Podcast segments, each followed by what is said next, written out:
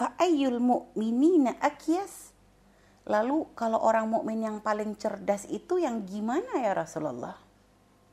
Maka di situ Nabi Muhammad SAW menyebutkan aktsaruhum lil mauti dzikra yaitu orang yang paling banyak mengingat kematian. Wa ahsanuhum lima ba'dahu istidada dan juga orang yang paling bagus di dalam mempersiapkan kematian. Ulaikal akias. Maka orang-orang itulah yang disebut sebagai orang-orang yang cerdas. Di malam ini kita akan membahas satu pembahasan pembahasan berat ya. Satu perkara yang memang dikatakan oleh para ulama satu perkara yang diyakini kebenarannya akan tetapi menjadi satu hal yang paling sering dilupakan. Jadi kalau orang seluruh dunia ditanya apakah mereka akan abadi di dunia, semua akan mengatakan akan tiba masanya untuk mereka mati. Jadi semua orang sebenarnya keyakinan akan kematian itu pasti. Semuanya tahu bahwasanya keberadaan kita di dunia ini tidak akan bertahan selamanya kita semua akan mati hanya waktu kapan di mana kita tidak tahu. Hanya saja uniknya biasanya ketika kita itu menghadapi sesuatu yang kita ketahui bahwa itu pasti terjadi, kita itu biasanya akan memulai membuat persiapan-persiapan. Hanya memang untuk perkara yang akan kita bahas ini yang disebut sebagai kematian, ini lucunya sesuatu yang diyakini akan menimpa kita semua hanya saja kalau kita lihat kalau kita introspeksi kita ini sangat-sangat sering kali lupa bahwasanya kita ini bisa mati dalam keadaan kapan siapkah atau tidak siapkah punya amalkah atau tidak punya amalkah tua atau mudakah. Jadi namanya kematian itu bisa menimpa kepada siapa saja Padahal kalau kita melihat ya, ketika kita diberi info bahwasanya kita akan melakukan satu perjalanan tanggal sekian, hari sekian, tanggal sekian, jam sekian. Biasanya kita itu dengan berita tersebut ya, itu kan udah apa namanya, udah membuat satu persiapan Bahkan pokoknya kadang kalau sudah diberitahu kita ini akan pergi, walaupun kadang waktunya belum pasti, itu persiapannya sudah mulai dipikirkan. Kayak misalnya jamaah haji sama jamaah umroh ya. Seringkali kadang antara waktu yang ditetapkan dengan pemberangkatan tuh kadang kan biasa ada selisih. Misalnya mereka sudah dikasih tahu bahwa nanti mereka insya Allah berangkat tanggal sekian. Walaupun masih belum ada kepastian karena mungkin saja bisa berubah. Tapi biasanya dari jauh-jauh hari itu kita sudah mempersiapkan Nah ini untuk urusan dunia tuh kadang kita sangat-sangat cerdas. Kita kita sangat-sangat cerdas untuk urusan dunia. Kita nggak mau nanti di sana kita repot begini. Padahal sebenarnya kalau urusan sekarang mah apa sih yang nggak ada di Indonesia yang nggak bisa kita temukan di sana. Begitu sebaliknya gitu. Tapi pun kadang kita udah berpikir tuh sudah sangat jauh, jangka panjang. Kita persiapkan semua, jangan sampai ada yang ketinggalan, jangan sampai nanti di sana repot. Ini semua kita pikirkan. Itulah tadi makanya dikatakan oleh ulama uniknya untuk urusan kematian ini benar-benar kadang menjadi sesuatu yang dilupakan oleh manusia. Sehingga kadang manusia itu sadar dirinya akan mati tapi perilakunya seperti orang yang tidak bakal mati. Itulah keunikan. Coba kita melihat ketika ada orang yang melakukan kejahatan misalnya, dia adalah seorang yang melakukan pencurian atau mungkin dia telah berbuat apa namanya berbuat jahat kepada orang atau apa kejahatan-kejahatan yang dilakukan. Sebab mereka tuh yakin bahwa mereka tuh nanti akan mati. Hanya saja perilaku mereka tuh menunjukkan kayak-kayak mereka tuh tidak bisa mati. Nabi sendiri sangat sering mewanti-wanti kita semua agar bagaimana kita itu menjadi orang yang cerdas. Nabi pernah satu hari berkumpul bersama para sahabat. Saat itu sahabat tuh ada yang bertanya kepada Rasulullah Shallallahu Alaihi Wasallam, Seorang Ansor bertanya kepada Nabi ya Rasulullah, ayul mukminin afdal? Mukminin yang paling utama itu yang gimana? Maka Nabi pun menjawab, paling utamanya seorang mukmin ahsanhum khuluqa, yang paling bagus akhlaknya. Jadi lihat, Nabi mengedepankan urusan akhlak. Ditanya mukmin yang paling utama yang seperti apa ya Rasulullah? Beliau jawab ahsanuhum khuluqa, yang paling bagus akhlaknya. Nabi tidak mengedepankan masalah kecerdasan, masalah kekayaan, masalah kegantengan, kebagusan fisik. Nabi nggak pernah prioritas itu. Ahsanuhum khuluqa. Saya itu sahabat itu tanya, Wakala nanya lagi, fa'ayyul mu'minina akyas? Lalu kalau orang mukmin yang paling cerdas itu yang gimana ya Rasulullah? Maka di situ Nabi Muhammad SAW menyebutkan, aktsaruhum lil mauti dzikra yaitu orang yang paling banyak mengingat kematian. Wa ahsanuhum lima ba'dahu istidada dan juga orang yang paling bagus di dalam mempersiapkan kematian. Ulaikal akias. Maka orang-orang itulah yang disebut sebagai orang-orang yang cerdas.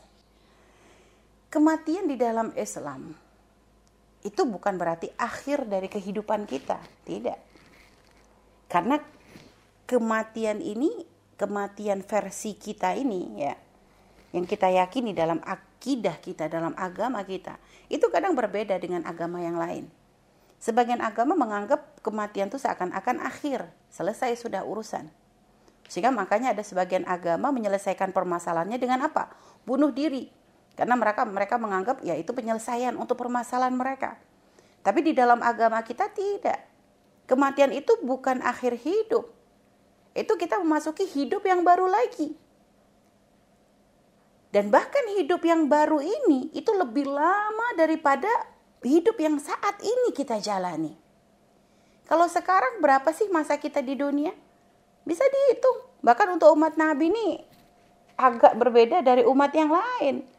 Kalau umat yang lain dikatakan umat-umat Nabi Musa, umat Nabi Nabi-nabi terdahulu itu panjang-panjang umur 1000, 1500 itu biasa. Tapi untuk umat Nabi Muhammad itu memang beda. Untuk umat Nabi Muhammad itu umurnya pendek. Jarang kita nemu orang umur 100 tahun tuh jarang. Ya. Jarang. Jadi rata-rata kalau umur umat Nabi Muhammad tuh berkisar 60, 70 itu sudah luar biasa. Nah.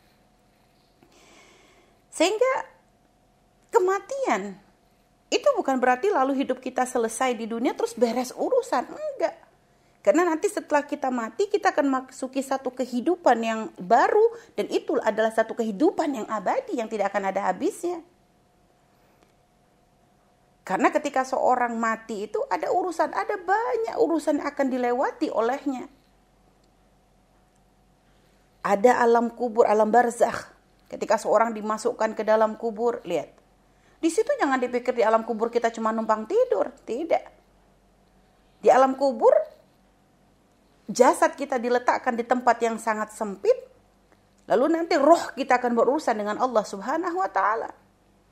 Akan dikirim oleh Allah dua malaikat yang akan bertanya kepada kita, memberikan pertanyaan kepada kita yang jika kita tidak mampu menjawabnya, mulailah dimulailah siksa sebelum nanti siksa yang berikutnya. Jadi panjang urusannya. Jadi jangan dipikir kuburan itu tempat kita selesai di situ. Tidak ada lagi. Itu itu itu tempat hanya untuk jasad. Urusan kita ini nanti dengan roh kita.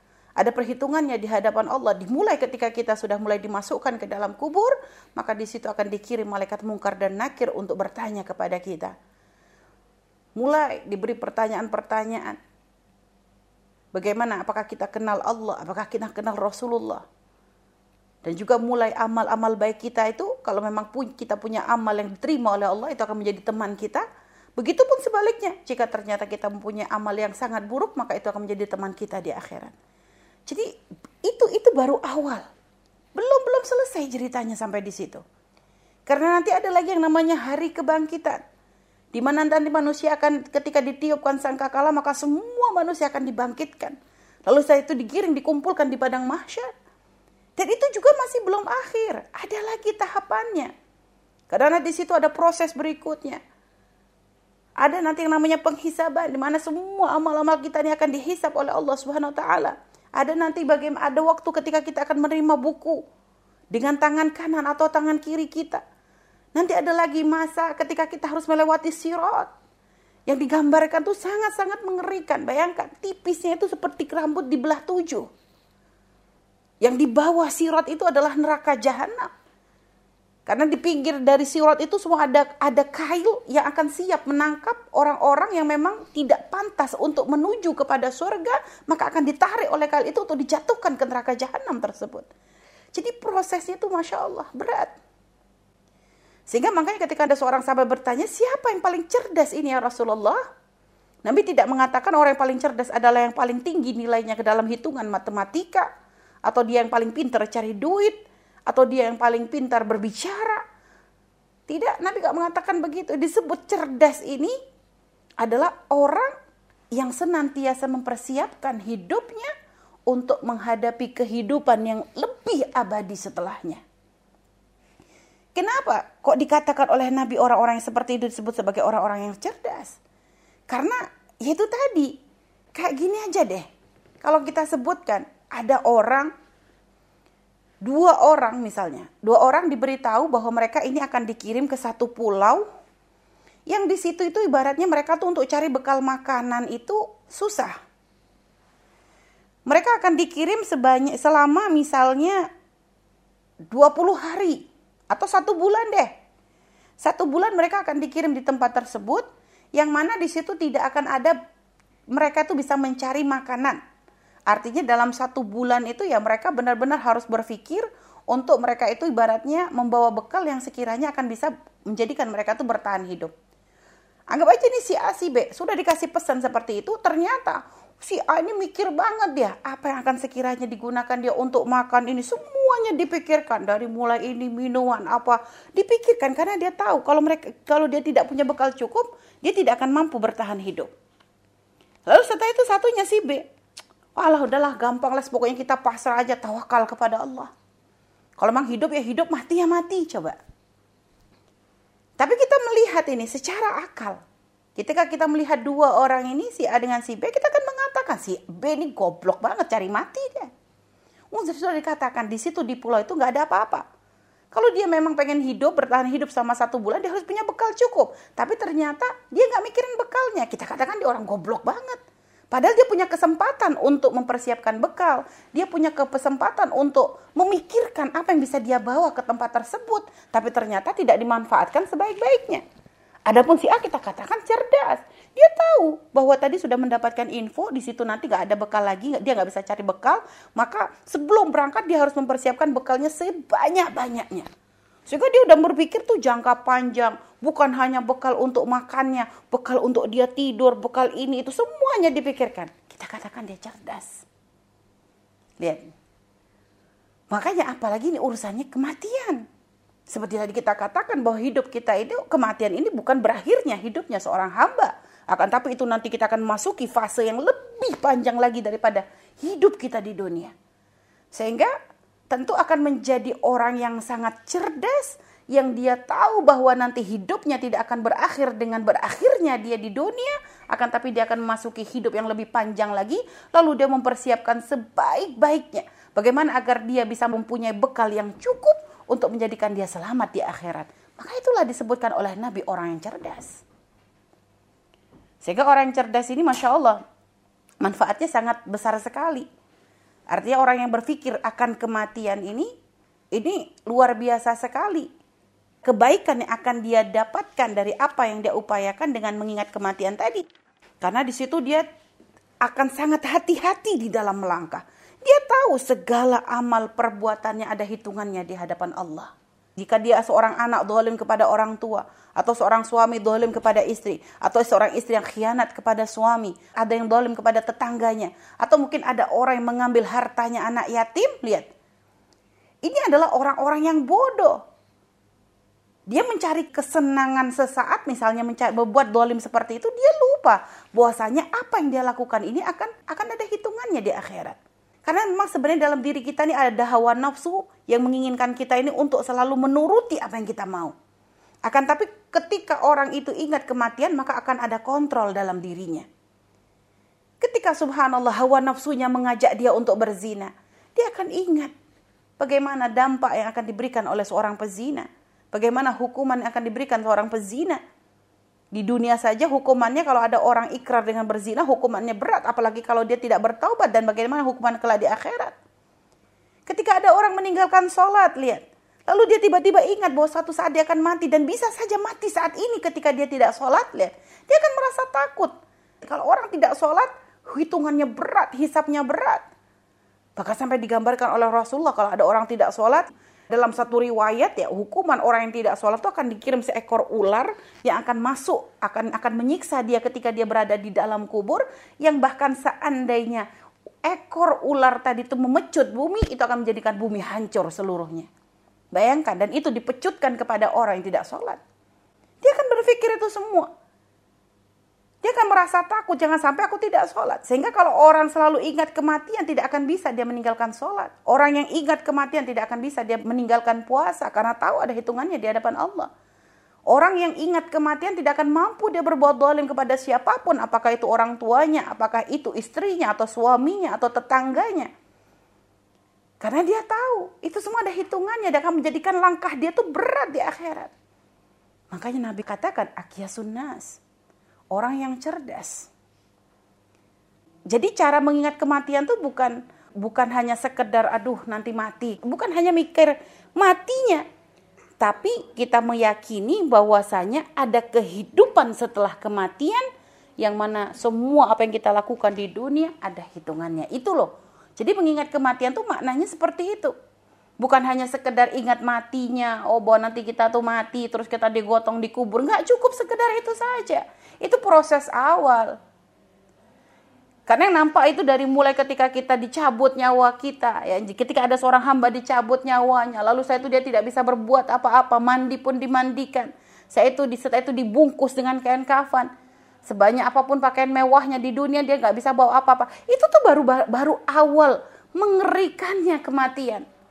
Buat ternyata semua yang kita punya di dunia ini, kalau ada orang punya rumah semegah apa pun, kalau ada orang punya baju sebagus apa pun, kalau orang punya harta sebanyak apa pun, ketika dia mati ternyata tidak ada yang bisa dia bawa. Semuanya akan berpindah menjadi milik ahli warisnya, lihat. Itu baru proses awal. Itu saja seharusnya orang kalau sudah melihat itu sudah sangat-sangat cukup untuk menjadi ibroh. Belum lagi nanti kalau dia menyambungkan urusannya dengan proses berikutnya setelah dia itu setelah memasuki alam barzah tadi ada perhitungan yang teramat sangat panjang. Dia tidak lagi sekedar benda mati yang tergeletak enggak enggak bisa dia nanti akan dihidupkan kembali ruhnya akan dihidupkan kembali untuk ditanya oleh Allah Subhanahu wa taala.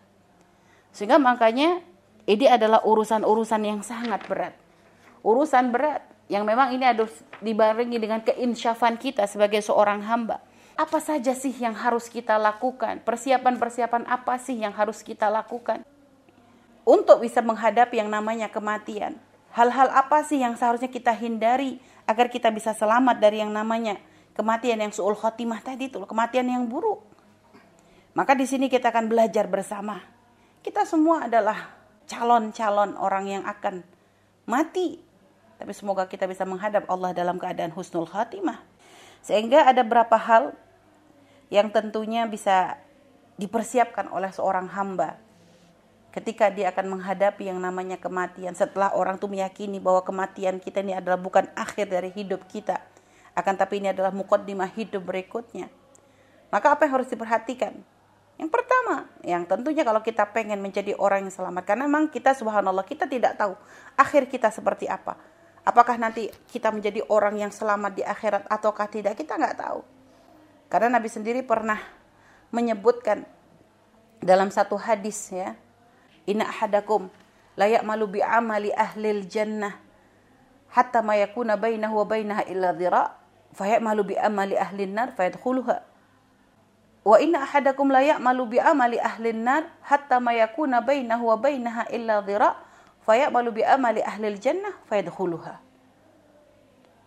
Jadi Nabi menyebutkan, mengisyaratkan dalam satu hadis bahwasanya ada nanti seorang hamba yang ketika dilihat itu seakan-akan amal ibadahnya itu Kayak-kayak dia ini adalah melakukan satu kebaikan yang menjadikan kebaikan dia tuh kayak kayak jarak dia tuh dengan surga tuh hanya tinggal satu zero.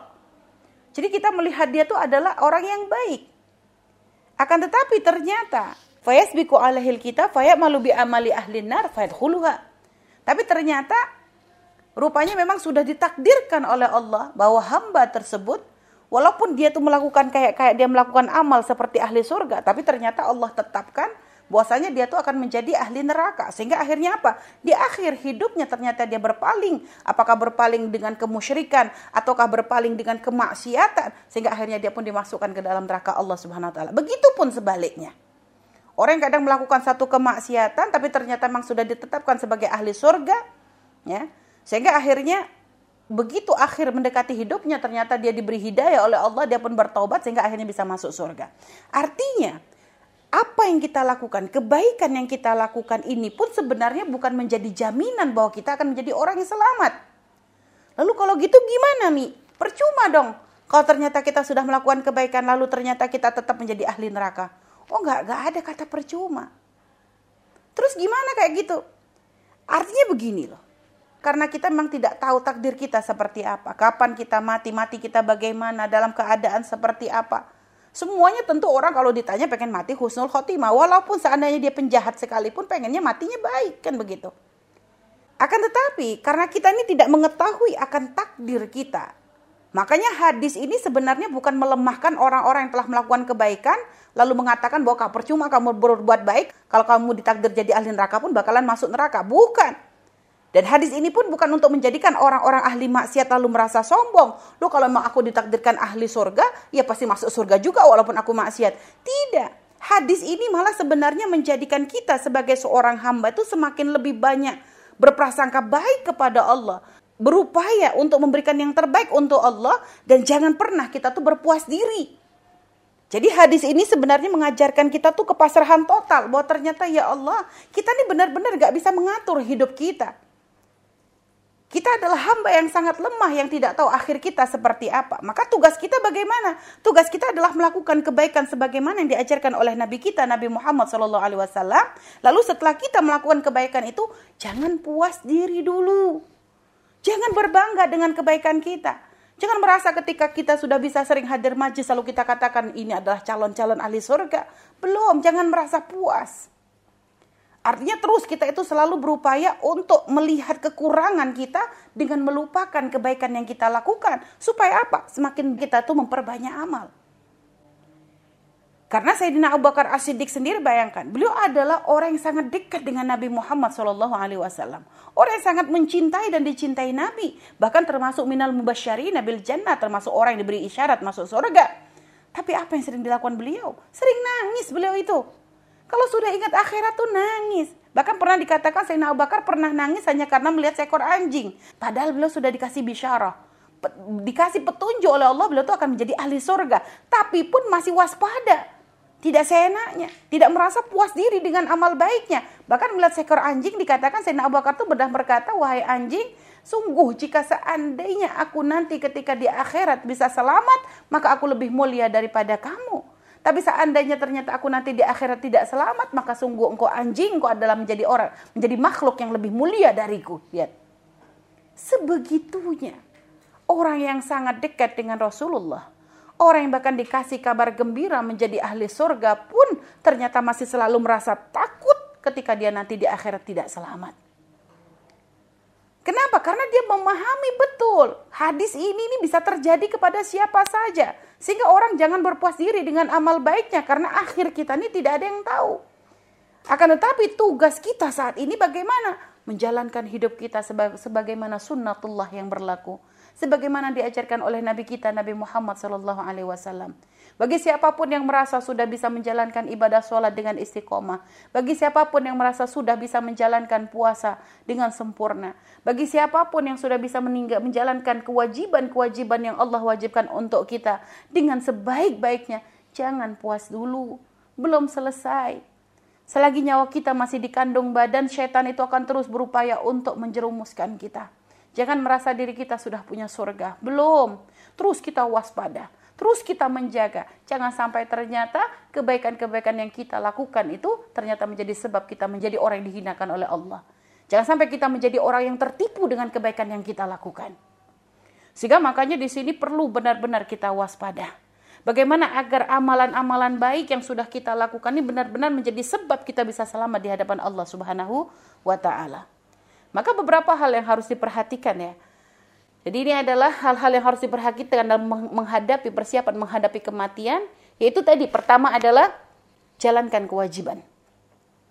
Jalankan kewajiban sebaik-baiknya. Perintah-perintah yang Allah wajibkan untuk kita jangan pernah kita meremehkan. Jangan pernah kita mengentengkan kewajiban.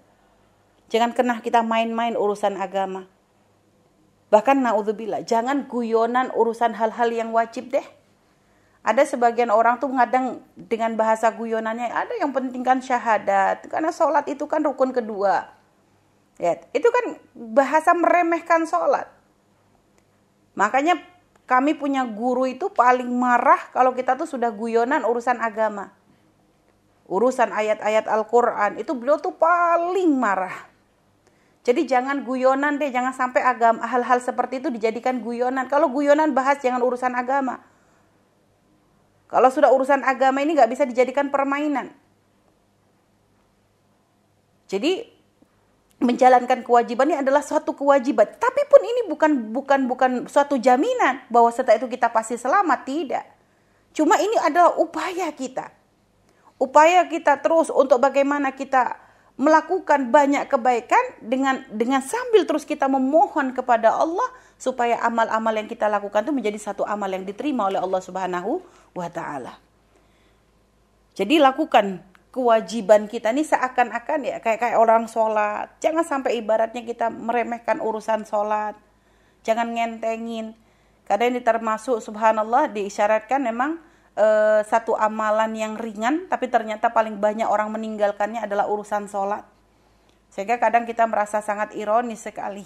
Bagaimana ada orang yang mengatur umat Nabi orang yang meyakini adanya kematian tapi kadang urusan sholat begitu mudah untuk ditinggalkan. Hanya karena kadang gara-gara pergi ke pasar ninggalin sholat.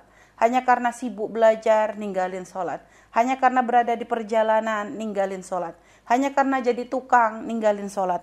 Hanya karena ngengkol becak ninggalin sholat. Berapa banyak ini? Ini banyak sekali yang terjadi. Sehingga kadang kita temukan di hari Jumat saja begitu banyak laki-laki yang subhanallah berada di luar masjid ini gak melakukan sholat tuh banyak banget. Subhanallah. Mereka lupa bahwa ini sholatnya akan menjadi satu amalan yang akan dihisap pertama kali oleh Allah Subhanahu Wa Taala. Hitungannya berat. Orang yang tidak sholat tuh ladina lahu, orang yang gak punya agama. Maka jangan main-main urusan sholat. Prioritaskan. Nah bagi yang sudah melakukan sholat, tadi selain Umi katakan jangan puas, sekarang tinggal bagaimana kita membaguskan sholat kita. Artinya sholat jangan hanya sekedar untuk menjalankan kewajiban, berupaya untuk bagaimana agar kita bisa isi koma sholat berjamaah. Lo itu dong, harus seperti itu. Jadi prioritaskan gimana, kita sudah sholat, Alhamdulillah. Berarti kita sudah menjalankan satu kewajiban yang diwajibkan untuk kita. Sekarang bagaimana membaguskannya? Jangan hanya sekedar sholat, hanya pokoknya cepat beres selesai. Enggak, upayakan untuk bisa sholat berjamaah. Ini termasuk cara kita dimohon pertolongan Allah.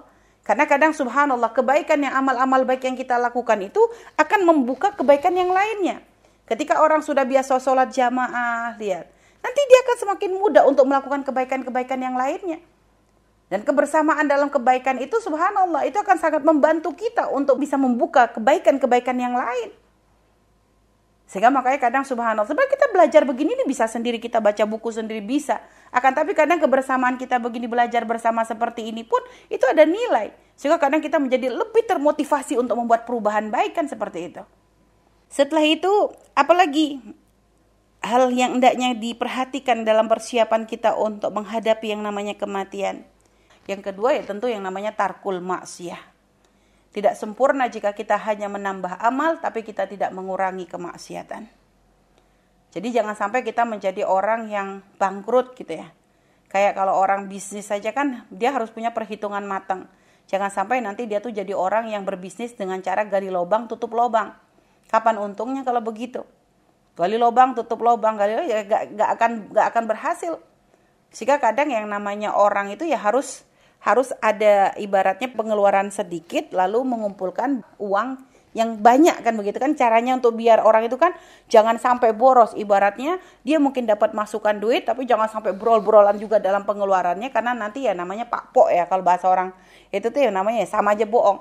Jadi kalau orang cerdas itu dengan amal baik yang dilakukan dia itu jangan merasa puas. Tapi nanti dibarengi dengan cara apa? Tarkul maksiat. Meninggalkan kemaksiatan karena kadang ada orang sholatnya jalan tapi ternyata dosa lainnya jalan. Dosa apa? Mungkin dia ternyata subhanallah masih sholat masih masih melakukan, tapi ternyata dia melakukan dosa yang lain. Dosanya gimana? Mungkin dia belum bisa menutup auratnya dengan sempurna. Sekali lagi mohon maaf, Umi meng, uh, Umi menyampaikan begini bukan untuk merendahkan siapa pun yang mungkin ternyata masih belum bisa menutup aurat dengan sempurna ya. Ini bekal introspeksi untuk kita, bukan untuk menghisap orang bukan untuk menilai siapa pun. Jadi kita jangan menilai orang, oh itu kasihan dia sholat tapi nggak pakai kerudung. Jangan. Itu masih lumayan karena bisa saja dengan sholatnya tadi bisa menjadi sebab hidayah dia untuk bisa pakai kerudung kan begitu. Hanya ini maksudnya untuk kita ini loh. Untuk kitanya. Dia melakukan sholat, bagus. Akan tetapi ternyata subhanallah dengan ibunya masih kurang ajar. Dengan bapaknya kelewatan. Atau mungkin dia melakukan sholat, tapi ternyata dia masih sering dolim dengan tetangganya Nah, ini makanya kita tuh harus waspada. Jangan sampai kita tadi menjadi orang yang bangkrut tadi kayak kayak melakukan amal kebaikan banyak tapi ternyata kita tidak menutup lobang-lobang yang bisa menghanguskan amal-amal kita tadi. Sehingga makanya perlu kadang introspeksi. Makanya Nabi pun mengajarkan kita untuk berbuat baik, iya. Akan tapi Nabi pun mengajarkan kita untuk bagaimana kita terus bermunajat kepada Allah.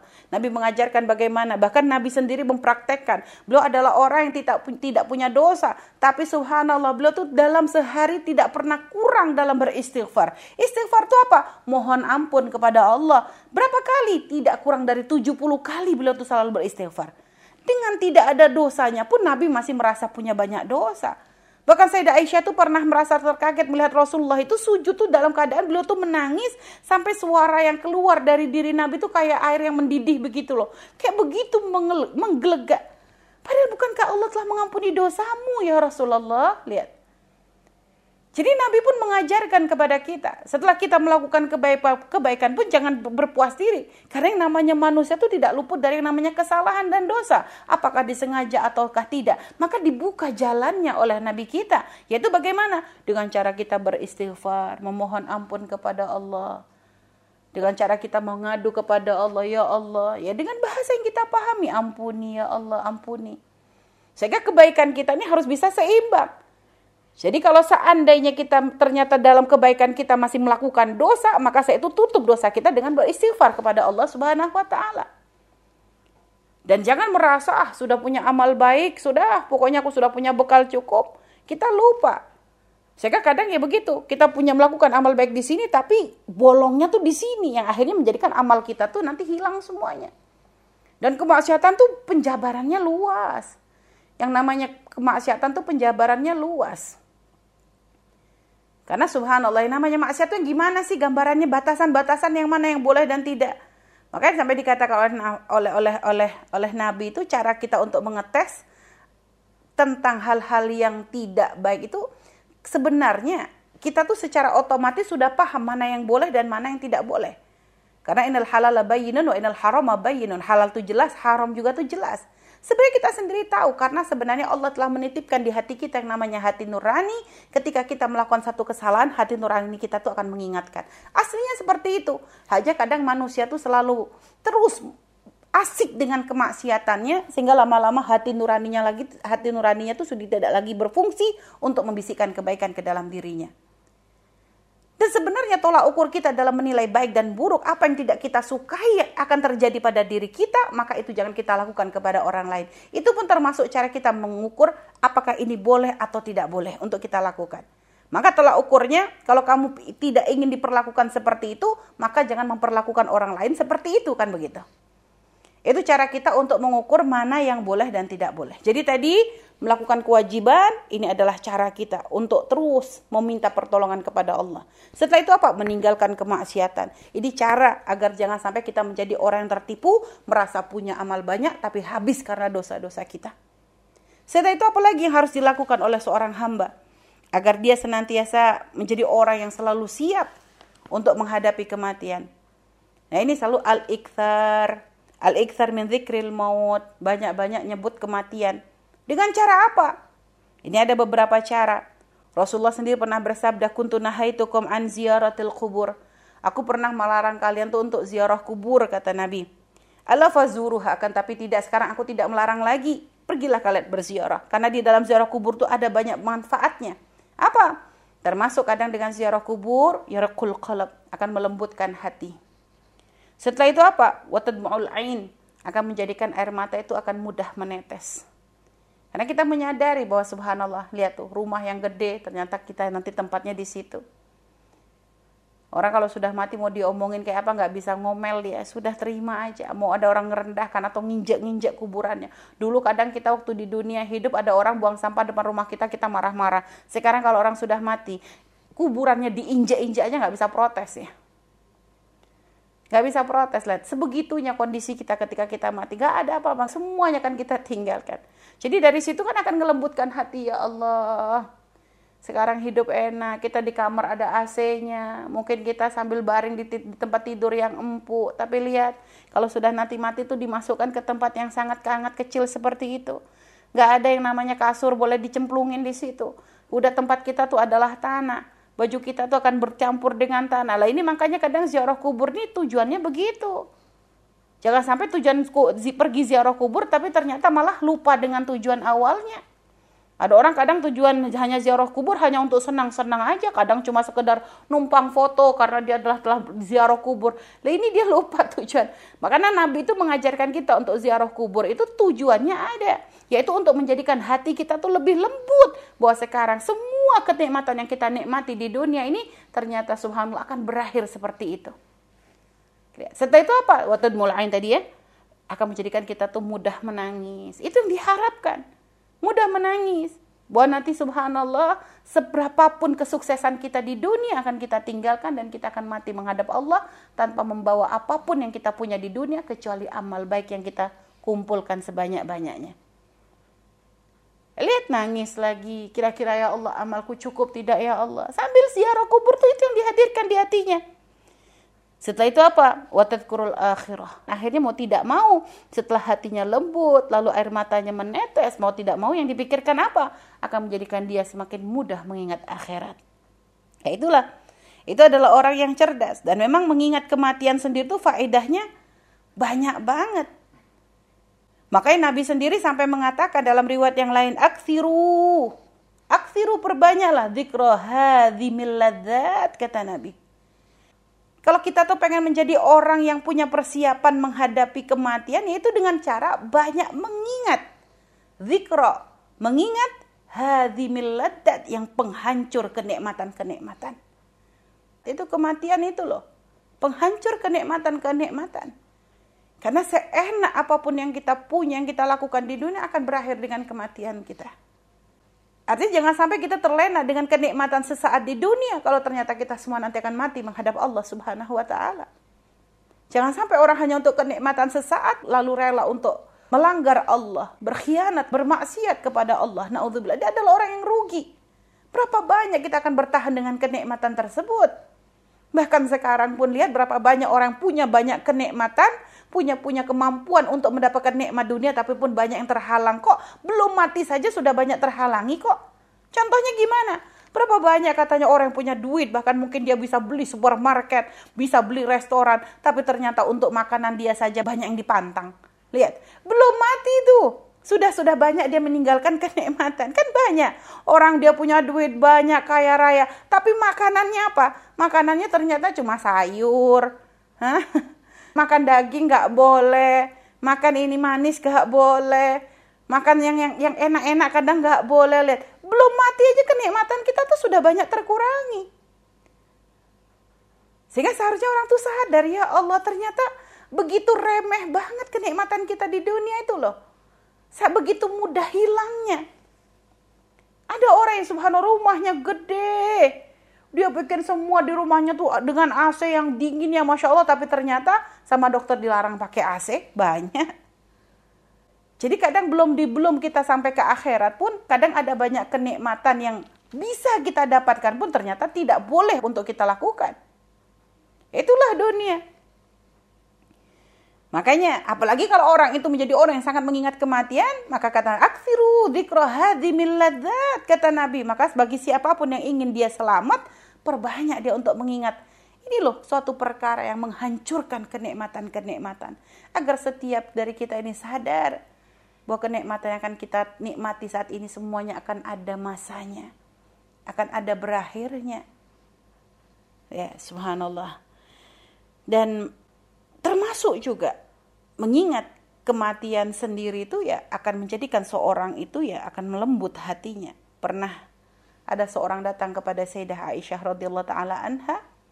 Lalu dia mengadu seorang wanita tadi wanita tadi mengadu ya ummul mukminin hatiku tuh keras banget. Kalau dikasih tahu tuh susah. Susah untuk menerima kebaikan begitu. Kalau dinasihatin tuh ngeyel gitu loh. Akhirnya apa yang dikatakan oleh Sayyidah Aisyah? Kalau kamu pengen hatimu dilembutkan, perbanyak untuk mengingat kematian. Sayyidah Aisyah menasihatkan seperti itu. Akhirnya pulang ke rumahnya dan diamalkan. Selalu dia mengingat kematian. Bagaimana dibaca dia tentang masalah kematian. Bahwa nanti ada alam kubur, alam barza ini semua tahapan-tahapannya. Sehingga akhirnya menjadikan dia itu lembut. Sehingga akhirnya apa? Itu akan merubah perilakunya. Sehingga dikatakan setelah dia mendapatkan nasihat dari Sayyidah Aisyah itu dia perilakunya berubah menjadi orang yang sangat lembut hati. Ini adalah berkah dari yang namanya mengingat kematian. Maka siapa pun di antara kita, kalau merasa ada yang susah untuk mendapatkan kebaikan, kadang diingetin suka ngeyel, kalau suami negur marah-marah, gampang tersinggung, gampang suudon, suka mencari aibnya orang, maka ini mungkin perlu kita ini untuk banyak mengingat kematian. Sadari kita kadang suka mencari aibnya orang. Kita tuh punya banyak aib. Nggak perlu capek-capek nyari punya orang lain. Cukup kita mencari aib kita sendiri, kita akan banyak menemukannya. Gak usah pusing dengan aibnya orang.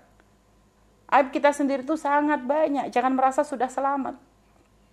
Banyak sekali sebenarnya fawaid ya. Fawaid tentang yang namanya kematian itu sampai dikatakan man aktsara dzikrul maut barang siapa yang memperbanyak untuk mengingat kematian akrama bisalat maka akan dimuliakan dengan tiga perkara.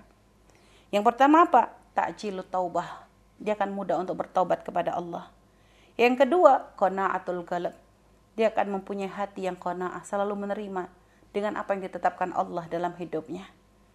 Akan menjadi orang yang bersabar, akan menjadi orang yang selalu bersyukur. Lalu yang ketiga, wanasyatul ibadah, orang yang selalu mengingat kematian, lihat, dia akan semakin semangat di dalam beribadah karena dia tahu bekal untuk menuju kebahagiaan di akhirat bukan pakai duit, bukan pakai kendaraan mewah, bukan pakai rumah gede, tapi pakai amal dengan amal yang diterima oleh Allah Subhanahu wa taala. Lalu setelah itu apa? Lalu disebutkan dan waman nasihi dan barang siapa yang lupa dengan kematian uqiba bithalathin maka akan dihukum oleh Allah dengan tiga perkara. Apa yang pertama? Taswifut taubah suka ngundur-ngundur dalam bertaubat. Jadi kalau ada orang mau bertobat kepada Allah, nanti dululah, nanti dululah, takutlah. Itu tanda-tanda orang yang jarang ingat kepada kematian. Orang yang ngerasa dia punya waktu sangat banyak sehingga dia bisa mengundur-ngundur untuk dalam melakukan kebaikan. Maka itu orang yang akan orang yang akan merugi. Dalam firman Allah sendiri diceritakan banyak sekali uh, firman Allah yang menceritakan bagaimana seorang hamba ketika akan dicabut nyawanya dia lalu memohon kepada Allah ya Allah kasih tempo lagi supaya aku tuh nanti bisa melakukan banyak kebaikan. Ada Allah tidak akan berikan kepada dia kesempatan lagi. Kalau sudah waktunya seorang dicabut ya dicabut, gak bisa dia mundur ya Allah. Makanya kalau selagi kita ini masih belum masih kita masih diberi kesempatan, jangan mundur untuk bertaubat kepada Allah. Nah makanya tadi kalau ada orang suka lupa dengan kematian, dia akan gampang mundur. Ngelak kalau punya dosa kepada seorang, minta maafnya aja pakai gengsi lagi. Ya, kepada Allah dia nggak cepat-cepat minta ampun kepada manusia apalagi? Bahkan kadang ada yang bahkan subhanallah mengambil hak manusia nggak sadar-sadar. Punya hutang nggak sadar-sadar. Malah kadang ditagih marah-marah. Kan ada orang model begitu. Ini model-model orang yang lupa mati dia. Setelah itu apa? Watar kuridha bil kafaf Jadi kalau orang yang jarang mengingat kematian pun nanti akan diberi hukuman oleh Allah itu bukan dalam bukan kadang hukuman Allah itu bukan mesti dengan dalam bentuk dikasih musibah atau apa enggak, tapi ada kadang hukuman yang berkaitan dengan perilaku yang buruk seperti tadi, mengundur-undur, tidak bersegera bertaubat kepada Allah. Setelah itu apa? Tidak pernah puas dengan apa yang dimilikinya. Nggak pernah puas dia, nggak pernah kenyang selalu kurang dia. Makanya sekarang ada orang itu kadang menuruti gaya hidup. Kadang sudah punya handphone seperti ini, pengen punya handphone lagi. Sudah gitu punya rumah begini, pengen punya rumah lebih gede lagi. Kendaraan belum habis, pengen kendaraan ini lagi. Terus urusan dunia tuh gak akan bikin orang kenyang. Sehingga kadang orang makanya bisa melakukan berbagai macam cara untuk mendapatkan dunia. Gak ada puasnya.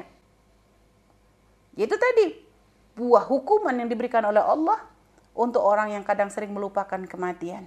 Jadi hidupnya tuh mikirnya tuh hanya dunia, dunia, dunia sehingga dia lupa untuk mempersiapkan hidupnya untuk untuk hidupnya yang abadi nanti ketika dia memasuki yang namanya akhirat tadi. Setelah dia masuk yang namanya kematian tadi. Nah, setelah itu apalagi? Akan dihukum dengan apa lagi? Yang ketiga, wataka sulfil ibadah. Itu sudah secara otomatis. Kalau ada orang sudah tidak ingat kematian, mau ibadah males, sholat nanti dulu. Mau puasa nanti dulu. Ayo tobat nunggu tua. Ayo pakai hijab masih cantik, eman. Nanti aja deh kalau sudah ibu-ibu pakai baru pakai kerudung. Lihat. Kadang kan gitu, nunggu-nunggu. Jadi bawa sodako, ntar lagi lah. Bulan depan lah, bulan depan nanti lagi lah. Kayaknya masih banyak kebutuhan nih. Terus dalam kebaikan itu dalam melakukan ibadah. Ya, ibadah kepada Allah dalam melakukan kebaikan. Ini selalu dia akan mundur, mundur, mundur, mundur. Sehingga sampai akhirnya dia mati, baru dia ngerasa nyesel ya Allah. Coba dikasih waktu lagi, coba ada kesempatan lagi. Aku akan sodako. Dia akan seperti itu manusia itu. Nyeselnya tuh belakangan. Dan ini buah dari apa? Lupa akan kematian. Dia tidak sadar. Buat waktu-waktu dia bisa mati.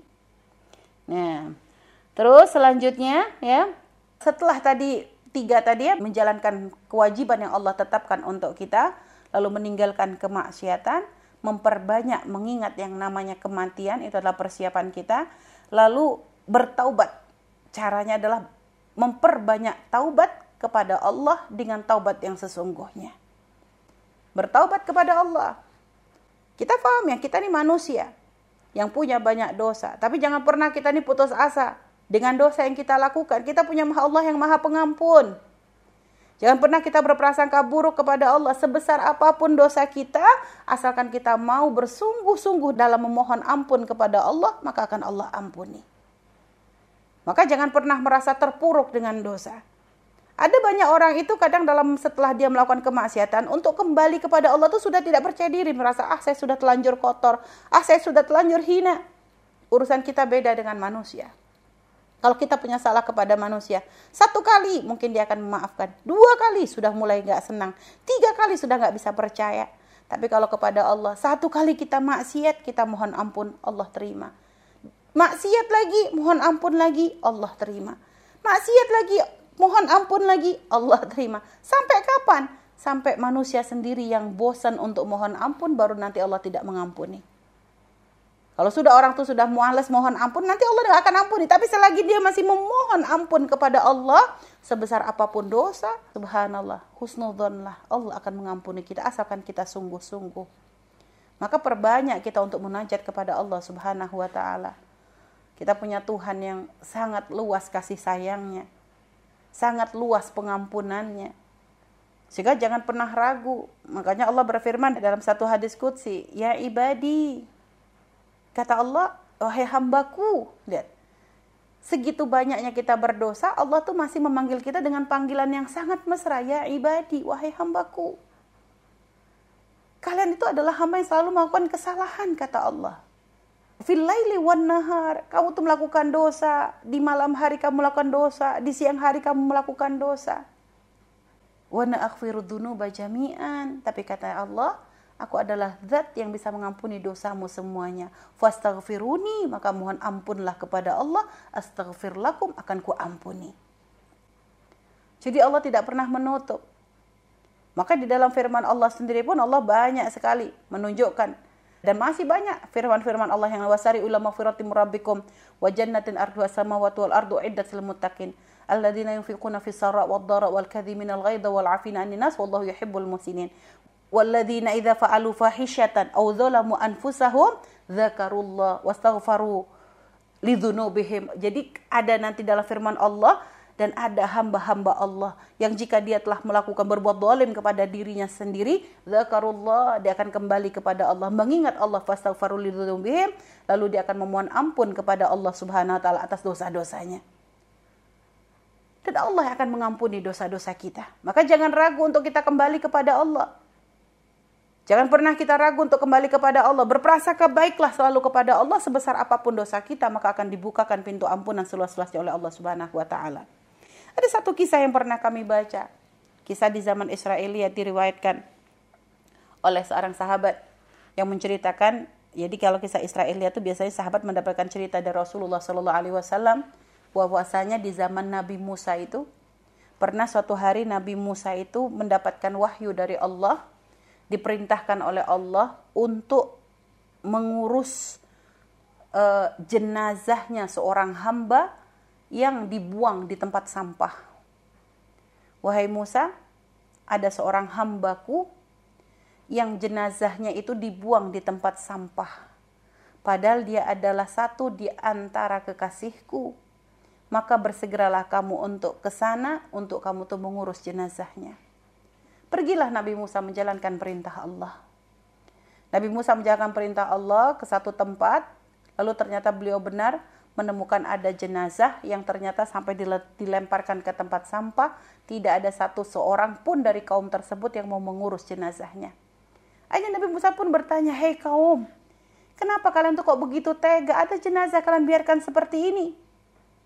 Akhirnya orang-orang tadi menjawab, "Wahai Musa, ini adalah hamba yang sangat banyak bermaksiat. Dia tuh gak pernah melakukan kebaikan. Bagaimana kami akan mengurus jenazahnya?" katanya. Bagaimana kami akan mengurus jenazahnya? Dia ini adalah orang yang sangat banyak melakukan kejahatan. Orang fasik dia ini. Akhirnya Nabi Musa pun bingung. Lo kata orang-orang dikatakan orang fasik. Tapi ini Allah sebut sebagai kekasih Allah. Bahkan Nabi Allah sebut sebagai wali Allah. Lihat. Akhirnya apa yang dilakukan orang ini? Kok sampai dia tuh sampai dikatakan sebagai kekasih Allah? Akhirnya Nabi Musa pun bertanya kepada Allah subhanahu wa ta'ala. Wahai Allah, Kenapa kok seperti ini? Mereka mengatakan orang ini tidak baik, tapi kau katakan dia adalah kekasihmu. Lalu Allah pun berfirman kepada Nabi Musa, Wahai Musa, ketahuilah. Hambaku ini telah meminta kepadaku dengan tiga perkara, yang jika siapa pun memintaku dengan tiga perkara tersebut, tidak akan aku tolak permintaannya. Yang pertama, hamba ini adalah hamba yang memang punya banyak dosa. Dia melakukan banyak kemaksiatan.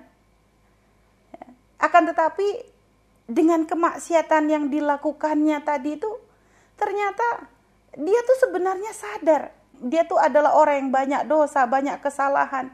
Dan dia tuh tidak pernah bangga dengan dosanya. Dia merasa malu dengan dosa-dosanya. Dan dia sering mengadu kepada Allah Subhanahu wa taala. Bahkan sebelum matinya pun aduan itu pun masih terucap dari lisannya, ya Allah. Engkau mengetahui pada diriku bahwa aku tuh selalu melakukan kemaksiatan. Padahal aku tuh tidak suka dengan kemaksiatan tersebut. Tapi aku selalu kalah dengan tiga hal ya Allah. Tiga hal yang selalu menjadikan aku itu selalu kembali mengulang-ulang kemaksiatan tersebut. Yang pertama adalah hawa nafsuku ya Allah. Lalu adalah bisikan setan yang terkutuk dan teman-teman yang selalu menjerumuskanku kepada kemaksiatan. Tiga perkara itulah yang sering menjadikan aku terjerumus ke dalam dosa, ya Allah. Akan tetapi, ya Allah, aku mohon kepadamu. Sebesar apa pun dosaku, ampuni aku, ya Allah. Lihat. Dia adalah hamba yang banyak dosa. Tapi dia tidak pernah berprasangka buruk kepada Allah. Dia merendah dengan segala kehinaan yang dilakukannya. Dia mengakui, ya Allah, dia itu tidak berdaya dia sebenarnya tidak suka dengan dosa-dosa tersebut, tapi kadang untuk melawan hawa nafsunya tuh berat. Untuk melawan bisikan setan tuh berat. Untuk menolak dari godaan setan dalam bentuk manusia pun berat. Sehingga kadang dia sudah pengen melangkah, terjerumus lagi. Tapi lalu dia menyesal, dia tetap lagi kembali kepada Allah. Dia tidak langsung merasa putus asa, ya Allah aku sudah terlanjur hancur, hancur sekali. Enggak. Dia masih merasa yakin bahwa sebesar apa pun dosanya, selagi Allah mengampuni maka dia akan selamat. Keyakinan itu loh yang luar biasa. Sehingga akhirnya dia ngomong, ampuni aku ya Allah, ampuni aku ya Allah. Lalu setelah itu apa lagi? Dia mengadu ya Allah. Engkau tahu aku adalah ahli maksiat. Akan tetapi ya Allah, walaupun aku adalah ahli maksiat, tapi aku tuh tidak suka ketika aku berkumpul dengan orang-orang yang ahli maksiat. Aku lebih senang berkumpul dengan orang-orang yang soleh walaupun aku tuh tidak layak untuk berkumpul bersama mereka. Ya Allah lihat. Lalu dia pun meminta kepada Allah dengan kecintaannya tadi kepada orang-orang soleh, maka dia meminta kepada Allah agar mengampuni dosanya. Dua perkara tadi sudah sangat luar biasa. Dua perkara tadi sudah sangat luar biasa. Jadi dia merasa memang mengakui banyak dosa, tapi dia tidak berputus asa dari rahmat Allah. Dia tahu dirinya tidak baik, tapi dia tidak pernah membenci orang-orang yang baik. Dia tidak pernah membenci orang-orang yang subhanallah dekat dengan Allah. Bahkan dia sangat cinta kepada orang-orang yang sangat dekat dengan Allah. Dan ini pernah kami temukan. Ini dalam bukan dalam di masa Nabi Musa. Bahkan kami pernah menemukan satu kisah seorang laki-laki yang dia itu subhanallah. Dia nggak nggak pernah sholat Gak pernah sholat. Akan tetapi bapak ini nih, dia gak pernah sholat, tapi dia tuh seneng kalau lihat orang sholat. Dia itu memang gak pernah melakukan sholat, puasa juga enggak. Tapi kalau di masjid, di masjid tuh dia dengar ada banyak kegiatan anak-anak kecil ngaji atau ada pengajian. Dia tuh orang yang semangat untuk memuliakan orang-orang ngaji tadi. Jadi dia bikin makanan, dikirim, dia senang. Tapi dia sendiri nggak sholat.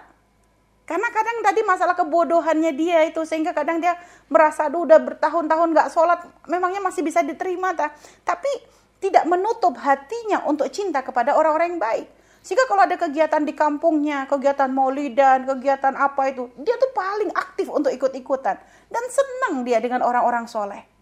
Sehingga akhirnya ini kami memang e, melihat sendiri Bagaimana ketika subhanallah diuji sakit oleh Allah, dia itu kok diketuk hatinya sehingga meminta e, dari keluarganya tuh minta satu orang santri untuk terus bisa membimbing ayahandanya yang nggak sholat. Ini kebetulan dia punya anak tuh baik gitu loh akhirnya satu anak yang baik ini meminta kepada kepada satu santri itu untuk terus membimbing ayahnya tuh untuk sholat dan dia akhirnya di akhir hidupnya itu padahal berapa puluh tahun dia tidak pernah sholat tapi di akhir hidupnya karena cintanya kepada orang sholat itu akhirnya masih sempat dapat hidayah dia sebelum mati itu masih belajar sholat subhanallah lihat jadi itulah tadi, maka jangan pernah kita tuh benci. Kalau seandainya kita itu belum bisa baik, maka jangan sampai kita tuh membenci orang baik. Kalau kita ini masih memang ahli maksiat, jangan sampai kita membenci orang-orang yang yang senantiasa mengajak kita kepada Allah. Jangan kita membenci kekasih Allah. Nah, terus yang ketiga apa? Dia mengadu kepada Allah dengan rintihan yang subhanallah. Dia merayu Allah itu dengan kata-kata yang indah. Dan memang hendaknya kita dalam bermunajat kepada Allah itu seperti itu. Apa dikatakannya? Ya Allah ampuni dosaku. Dia kembali lagi minta ampuni dosaku. Seandainya engkau mau mengampuni dosa-dosaku ini ya Allah, maka sungguh para wali-walimu, para kekasihmu akan sangat senang. Dan yang bersedih adalah musuh-musuhmu ya Allah. Ketika kau berikan ampunanmu kepadaku, maka tentu para setan akan merasa marah dan kecewa. Akan tapi para kekasihmu akan merasa sangat bahagia ya Allah. Dan jika engkau menyiksaku lantaran dosa-dosaku, ya Allah, maka sungguh setan pun akan tertawa. Setan akan tertawa dan para pengikutnya pun akan tertawa dan bersedihlah para kekasihmu ya Allah ketika melihat ada salah satu hambamu yang kau siksa ke dalam nerakamu. Maka karena itu ya Allah aku memohon kepadamu, jangan kau siksa aku, ampuni aku dan jangan masukkan aku ke dalam nerakamu ya Allah. Lihat. Jadi dia tuh merayu Allah tuh dengan bahasa indah. Dan yang paling penting dari kisah ini adalah bukan berarti kita tuh ngentengin dosa lalu katakan oh enak juga ya berarti kalau banyak dosa tadi ngomong kayak begitu aja udah bisa. Oh tidak bisa main-main. Allah tahu mana hati yang tulus dan tidak. Jadi orang ini sangat tulus. Dan yang paling poin paling penting dalam kisah ini itu bagaimana kita menghadirkan di dalam hati kita selalu untuk berprasangka baik kepada Allah. Jangan putus asa. Dalam memohon ampun kepada Allah tidak pernah ada kata berakhir walaupun ternyata setelah itu kita masih terpeleset lagi, maka ayo kembali lagi kepada Allah, memohon ampun lagi kepada Allah. Selagi kita masih punya kesempatan, selagi belum ditutup pintu-pintu taubat. Karena untuk umat Nabi Muhammad, Allah berikan kelapangan kepada kita untuk bisa bertaubat kepada Allah Subhanahu wa taala. Dan ini adalah buah dari perjuangan Nabi kita Nabi Muhammad sallallahu alaihi wasallam. Karena pernah dikisahkan bagaimana Rasulullah, malaikat Jibril berkata kepada Nabi ya Rasulullah, untuk umatmu diberikan kesempatan untuk bertaubat sebulan sebelum mereka mati. Maka Nabi pun mengadu kepada malaikat Jibril, wahai Jibril, satu bulan itu masih banyak. Dalam satu bulan masih mungkin umatku untuk untuk bermaksiat. Aku mohon kepadamu, beri kesempatan mereka untuk semakin banyak bisa bertaubat kepada Allah. Malaikat Jibril menyampaikan lagi, untuk umatmu seminggu sebelum mereka mati, mereka masih bisa bertaubat. Kata Nabi, seminggu masih lama wahai Jibril, perpendek lagi. Akhirnya satu hari sebelum mereka mati masih bisa bertaubat. Maka Nabi pun masih belum puas, tidak Jibril. Satu hari pun umatku masih bisa bermaksiat. Maka perpendek lagi waktunya agar mereka bisa semakin mudah untuk ber bertaubat kepada Allah. Sampai akhirnya Malaikat Jibril pun berkata, Ya Rasulullah, selagi nafasnya masih di kandung badan belum sampai ke tenggorokan, maka umatmu masih bisa bertaubat kepada Allah. Kalau selagi masih belum sampai di tenggorokan, berarti masih bisa bertaubat kepada Allah. Sehingga Nabi pun merasa lapang akan hal tersebut. Artinya subhanallah, jadi tidak ada kata terlambat untuk siapa pun yang ingin memohon ampun kepada Allah. Jangan merasa saya sudah terlanjur bermaksiat berpuluh-puluh tahun. Bahkan seandainya memang sama sekali kita tuh tidak pernah berbuat baik kepada Allah Subhanahu wa taala, jangan lalu merasa bahwa Allah telah menutup pintu taubatnya. Tidak. Sebanyak apa pun dosa kita, kembalilah kita kepada Allah karena pintu ampunan Allah sangat-sangat luas. Jadi bagi orang yang ingin mempersiapkan diri menghadapi kematian, maka jangan pernah merasa terlambat untuk bertaubat kepada Allah dan jangan menunda. Jangan menunda untuk bertaubat. Setiap saat, setiap waktu. Dan untuk meminta ampun kepada Allah, jangan hanya mengkhususkan ketika kita sholat saja. Tidak. Ketika kita melakukan dosa, tanamkan, Ya Allah, melakukan dosa lagi. Ampuni hamba ya Allah. Jadi selalu seperti itu. Adapun nanti kalau untuk momen khusus, oke, okay, kita siapkan momen khusus ketika kita sholat malam, kita duduk sendiri, kita mengadu kepada Allah, kita menangis di hadapan Allah. Itu momen khusus. Akan tapi dalam setiap perilaku kita, ketika kita merasa bahwa kita melakukan kesalahan, segera kita bersihkan, ter terbersih di hati kita, ya Allah, ampuni ya Allah. Ampuni ya Allah. Jadi itu, itu adalah termasuk cara kita untuk bagaimana kita itu mempersiapkan kematian. Jadi tadi sudah ada empat perkara yang hendaknya diperhatikan untuk bagaimana kita mempersiapkan diri tadi untuk dalam menghadapi kematian tadi. Semoga Allah memberikan kemudahan kepada kita, melembutkan hati kita, sehingga kita bisa menjadi orang yang selalu berpikir untuk kehidupan yang abadi.